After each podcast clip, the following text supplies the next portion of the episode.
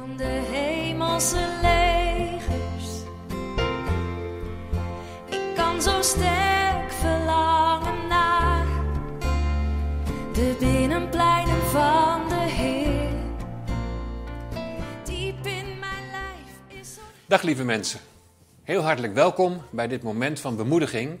En deze keer willen we met elkaar stilstaan bij Psalm 84. Een hele mooie psalm waarbij mij als opschrift boven staat verlangen naar het heiligdom. Een psalm dus van verlangen. Voordat we daar met elkaar over gaan nadenken, zou ik jullie eerst een vraag willen stellen. Heb je wel eens last van heimwee of van heimwee gehad? Je ging bijvoorbeeld logeren bij je opa en oma of bij een oom en tante. Maar binnen de kortste keren wilde je weer naar huis. Binnen de kortste keren moesten je ouders je ophalen. Je wilde niet langer daar zijn, maar je wilde terug naar huis. Een raar iets, dat, dat heimwee. Het kan zoveel in je doen. Het kan zelfs lichamelijke klachten met zich meebrengen. Dat je er pijn in je buik van krijgt. Maar waar is dan precies dat verlangen naar? Is dat dan het huis, daar waar je woont? Of zijn het je ouders? Of verlang je terug naar je vertrouwde slaapkamer, dat je alleen daar goed kunt slapen? Of verlang je terug naar je vrienden en vriendinnen die daar wonen? Op heel veel verschillende manieren kan er sprake zijn van heimwee. Misschien verlang je wel weer terug naar die situatie voordat de crisis begon. Ik had even app-contact met iemand en toen zei ik van we missen jullie. En toen kreeg ik als antwoord terug, ik wist niet dat je ook zo heimwee kon hebben. En dat heimwee is niet alleen specifiek dan naar ons, maar meer ook wat het gemeente zijn betreft. Die gemeenschap met elkaar ervaren, elkaar kunnen spreken, naar elkaar kunnen luisteren, met elkaar kunnen bidden. Samen de Heer loven en prijzen. Wat kun je een heimwee hebben naar een situatie zoals die voorheen was? Misschien heb je wel een dierbare verloren. En dat er zo'n diep heimwee is naar hoe het toen was, samen. Psalm 84, die zou je kunnen noemen de psalm van de heimwee. En deze psalm, die gaan we nu met elkaar lezen. Lees je mee? En het begint met het volgende. Voor de koorleider op de Gittit, een psalm van de zonen van Korach. Hoe lieflijk zijn uw woningen, heren van de legermachten. Mijn ziel verlangt, ja bezwijkt zelfs van verlangen naar de voorhoven van de heren. Mijn hart en mijn lichaam roepen het uit tot de levende God.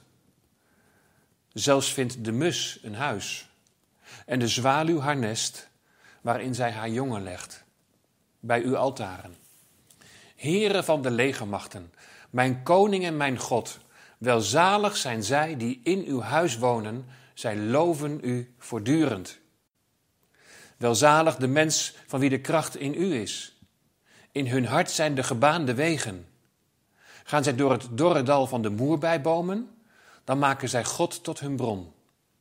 Ook zal de regen hen overvloedig bedekken. Ze gaan voort van kracht tot kracht. Ze zullen verschijnen voor God in Sion. Heere God van de legermachten, luister naar mijn gebed. Neem het te oren, o God van Jacob. O God, ons schild, zie en aanschouw het aangezicht van uw gezalfde. Want één dag in uw voorhoven is beter dan duizend elders. Ik verkoos liever te staan op de drempel van het huis van mijn God, dan lang te wonen in de tenten van de goddeloosheid. Want God de Heere is een zon en een schild. De Heere zal genade en eer geven. Hij zal het goede niet onthouden aan wie in oprechtheid zijn weg gaat. Heren van de legermachten, welzalig de mens die op u vertrouwt. Tot zover. Ik ga niet alles van deze psalm uiteraard behandelen, maar even zo een paar aspecten om daarin ja, elkaar te bemoedigen. Als je zo deze psalm bekijkt, dan zie je allereerst dat het een psalm is van de zonen van Korach, Levitische priesters. En je ziet dat daar dan iemand beschreven wordt die, die een bepaald verlangen heeft, het verlangen naar de tempel. Maar je ziet in de versen 6 tot en met 9 dat er sprake is van een pelgrimstocht. Een tocht onderweg naar de tempel. We weten niet precies waar ze vandaan komen. Het kan zijn dat het een pelgrimstocht is op weg naar Pesach, het paasfeest, of op weg naar het wekenfeest. Dat is vervuld in het Pinksterfeest. Of het Loofhuttenfeest. Dat zijn de drie grote feesten dat er ja, heel, heel veel mensen op weg gingen naar Jeruzalem, op weg gingen naar de tempel. Maar misschien bevond de persoon zich ook wel in ballingschap. En zijn ze zo vanuit ballingschap samen op weg gegaan naar Jeruzalem. Ze zijn in ieder geval samen onderweg. Ze gaan langs de gebaande wegen, door het dorre dal van de moerbijbomen. Ze gaan van kracht tot kracht en dan uiteindelijk dan verschijnen ze voor God in Sion, in Jeruzalem. Dus in ieder geval een pelgrimstocht onderweg naar Jeruzalem, onderweg naar de tempel. Dan laten we gewoon aan het begin beginnen. Dan lezen we hoe lieflijk zijn uw woningen, heren van de legermachten. Mijn ziel verlangt, ja bezwijkt zelfs van verlangen naar de voorhoven van de heren. Nou, ik zei al, het is de psalm van het verlangen, maar ook de psalm van de heimwee. Want de Willibrord-vertaling, die vertaalt vers 3 als volgt. Ik word verteerd door heimwee. Dus hier staat bezwijkt zelfs van verlangen.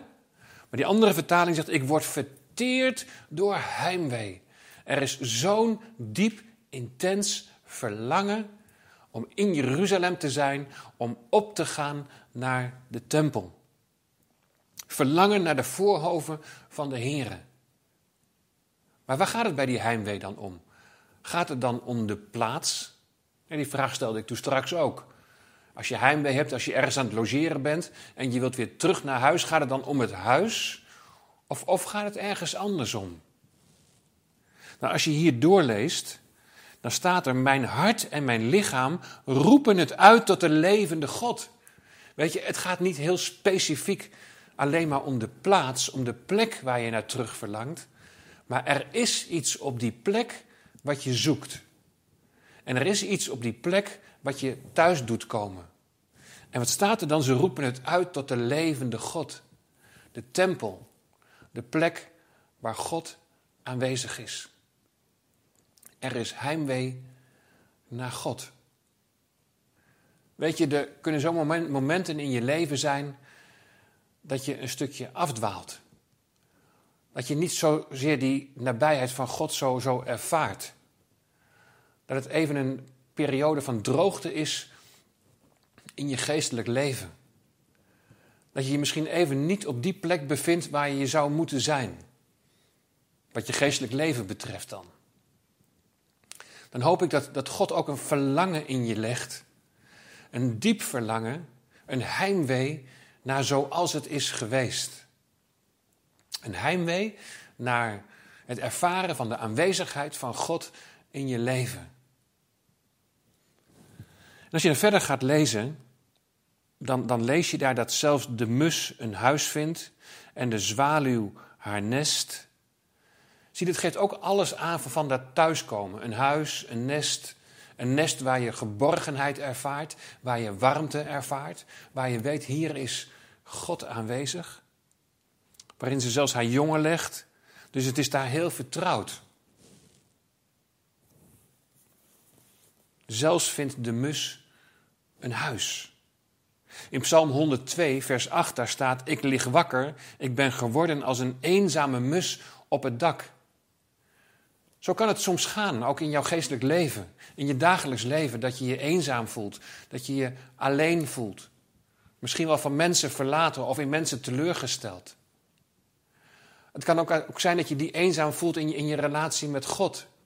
Je bidt, maar je hebt het idee dat er niet wordt geluisterd, of je hebt het idee dat het niet wordt gehoord. Ik lig wakker. Ja, misschien lig je wel te woelen. Of misschien wel onrustig over de situatie op dit moment. Misschien ken je wel mensen heel dicht in jouw omgeving die besmet zijn met het coronavirus. Misschien ben je wel bang voor, voor wat jou eventueel daarin kan overkomen. Misschien zie je op tegen, tegen wat er na deze tijd allemaal wellicht staat te gebeuren. Een stukje onzekerheid. Hoe zal het allemaal gaan? Ik lig wakker. Ik ben geworden als een eenzame mus op het dak. Maar hier vindt de mus een plek in het huis. En de zwaluw die vindt daar een nest. Nou, een zwaluw, dat beestje kennen jullie wel, die, die is hartstikke onrustig. Die vliegt maar heen en weer. Zo zou er ook onrust in jouw hart kunnen zijn. Om wat voor reden dan ook. Maar de onrust vindt hier een plek. De eenzaamheid vindt een plek in het huis van God. En waar vindt het een plek? Want daar gaat het om. En dan lezen we: Het vindt een plek bij uw altaren. Er zijn twee altaren in de tempel. Het brandofferaltaar, helemaal bij de ingang, direct als je binnenkomt. En bij de scheiding tussen het heilige en het heilige der heiligen, daar staat het reukofferaltaar. Dus bij de altaren, daar heft de eenzaamheid zich op en daar vindt de onrust vindt daar rust en vrede. Als je komt bij het brandofferaltaar, dan doet ons dat bepalen bij het offer van de Heer Jezus Christus. Hij die zijn leven gaf voor jou. Hij die jou lief heeft. Hij die jou ziet staan. Hij die om jou geeft. Dus in momenten van eenzaamheid moet het continu weer tot ons doordringen. Ja, maar er is er altijd één die mij op het oog heeft. Er is er altijd één die mij niet en nooit vergeet. Want hij ging zelfs zo ver dat hij bereid was om zijn leven voor mij te geven. Dus eenzaamheid, onrust, laat het rust vinden in het volbrachte werk van de Heer Jezus. En het tweede altaar, dat is het reukofferaltaar. En het reukofferaltaar staat beeld voor aanbidding. Als er momenten zijn van eenzaamheid en je ligt bijvoorbeeld wakker in de nacht, als er sprake is van onrust, laat dan alles even in je zwijgen door God te aanbidden. Dat je God gaat eren om wie Hij is. Dat je Hem dankt voor Zijn liefde, voor Zijn genade. Hem lofprijzen. Zo belangrijk om daarin de rust en de vrede te vinden. Heren van de legermachten, mijn koning en mijn God, welzalig, gelukkig zijn zij die in uw huis wonen. Je bent gelukzalig op het moment dat jij je toevlucht zoekt tot God de Allerhoogste. Welzalig de mens van wie de kracht in u is. Weet je nog Zacharia 4? Niet door kracht, ook niet door geweld, maar door mijn geest, zegt de Heer, de Heer van de legermachten. In hun hart zijn de gebaande wegen. Een gebaande weg, dat was een weg die speciaal aangelegd werd door de, voor de koning. Omdat de koning ingang kon vinden op een goede manier in de stad. Dus we mogen gaan langs de gebaande wegen in die zin dat God toegang heeft tot ons leven. Dat we ons verbonden weten met Hem door de Heer Jezus Christus, onze Heiland en onze Verlosser. En het leven is niet altijd gemakkelijk. Zeker niet. Ieder huisje heeft zijn kruisje. Maar gaan ze door het, dal van, van, door het dorre dal van de moerbijbomen, dat kun je ook lezen als gaan zij door het tranendal. En de moeite van het leven kunnen soms zo ingrijpend zijn dat er verdriet is, dat er een intens verdriet is, dat het gewoon pijn doet. Ga je dan door dat dorre dal van moerbijbomen, ga je dan door dat tranendal, dan staat hier, dan maken zij God tot hun bron. Je vlucht naar God. Je vlucht naar de Heer Jezus. En je legt alles aan Hem voor. En je zegt, Heere, ik kan het zelf niet meer. Ik heb niet de kracht om door te gaan. Maar Heer, u hebt beloofd, het is niet door kracht, ook niet door geweld, maar door uw geest. Geef mij de kracht van uw geest om staande te blijven. Om in deze moeilijke periode waarin ik moeite en strijd ervaar, niet te vergeten dat u de bron van mijn leven bent. Dat ik niet zal vergeten dat u mij lief hebt en dat u om mij geeft en dat u mij nooit verlaat. Ook zal de regen hen overvloedig bedekken. Ze gaan voort van kracht tot kracht. Niet die eigen kracht dus, maar door de kracht van Gods geest mogen wij doorgaan en zij zullen verschijnen voor God in Sion. Heere God van de legermachten, luister naar mijn gebed. Neem het ter oren, o God van Jacob. Wat een prachtige psalm. Ook zo mooi om voor jezelf nog eens een keer te overdenken. Misschien herken je jezelf in die mus, eenzaamheid. Of misschien herken je jezelf in de zwaluw, de onrust. Het niet tot rust kunnen komen in je hoofd, in je gedachten, in je hart. En dan opnieuw weer lezen, hey, hier vinden ze rust bij de altaren, bij het volbrachte werk van de Heer Jezus. Zijn liefde voor jou. En bij het reukofferaltaar. Alles even stilzetten. Heer, ik wil u loven en prijzen. Misschien wat dwars tegen je, tegen je gevoelens in. Heer, ik wil u groot maken. Want u hebt naar mij omgezien. Het laatste vers, vers 13 heren van de legermachten. Welzalig de mens die op u vertrouwt. Misschien is er heimwee naar, ik weet niet wat, maar je weet het zelf. En misschien bezwijk je van verlangen om weer terug te keren naar die oude situatie. Maar is het helemaal niet mogelijk? Dan is het zo belangrijk dat we toch durven vooruit te zien en op durven te vertrouwen dat de Heer met je meegaat. Dat Hij niet loslaat wat Hij in jou is begonnen. En dan wel zalig, zalig is de mens die op u, die op de Heere God, die op de Heere Jezus, die op de leiding en de vertroosting van de Heilige Geest vertrouwt. We gaan samen, samen op weg naar het onbekende land, naar hetgeen voor ons ligt. We weten niet wat deze tijd gaat brengen.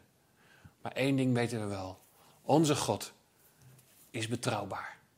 Zullen we samen bidden? Liefdevolle God en Vader. We danken u voor deze geweldige vertroosting als we deze psalm zo lezen. En Heer, wat kan er een eenzaamheid zijn of ook onrust? Maar dank u wel, Heer, dat we ook door deze psalm juist weer mogen leren dat we rust kunnen vinden bij u. U, Heer Jezus, hebt zelfs de uitnodiging gedaan. Kom tot mij, allen die vermoeid en belast zijt, en ik zal je rust geven. Heer, die rust, dat is waar we naar verlangen. O Heer, doe ons inzien dat er rust te verkrijgen is aan uw vaderhart. Het besef dat uw zoon zijn leven gaf.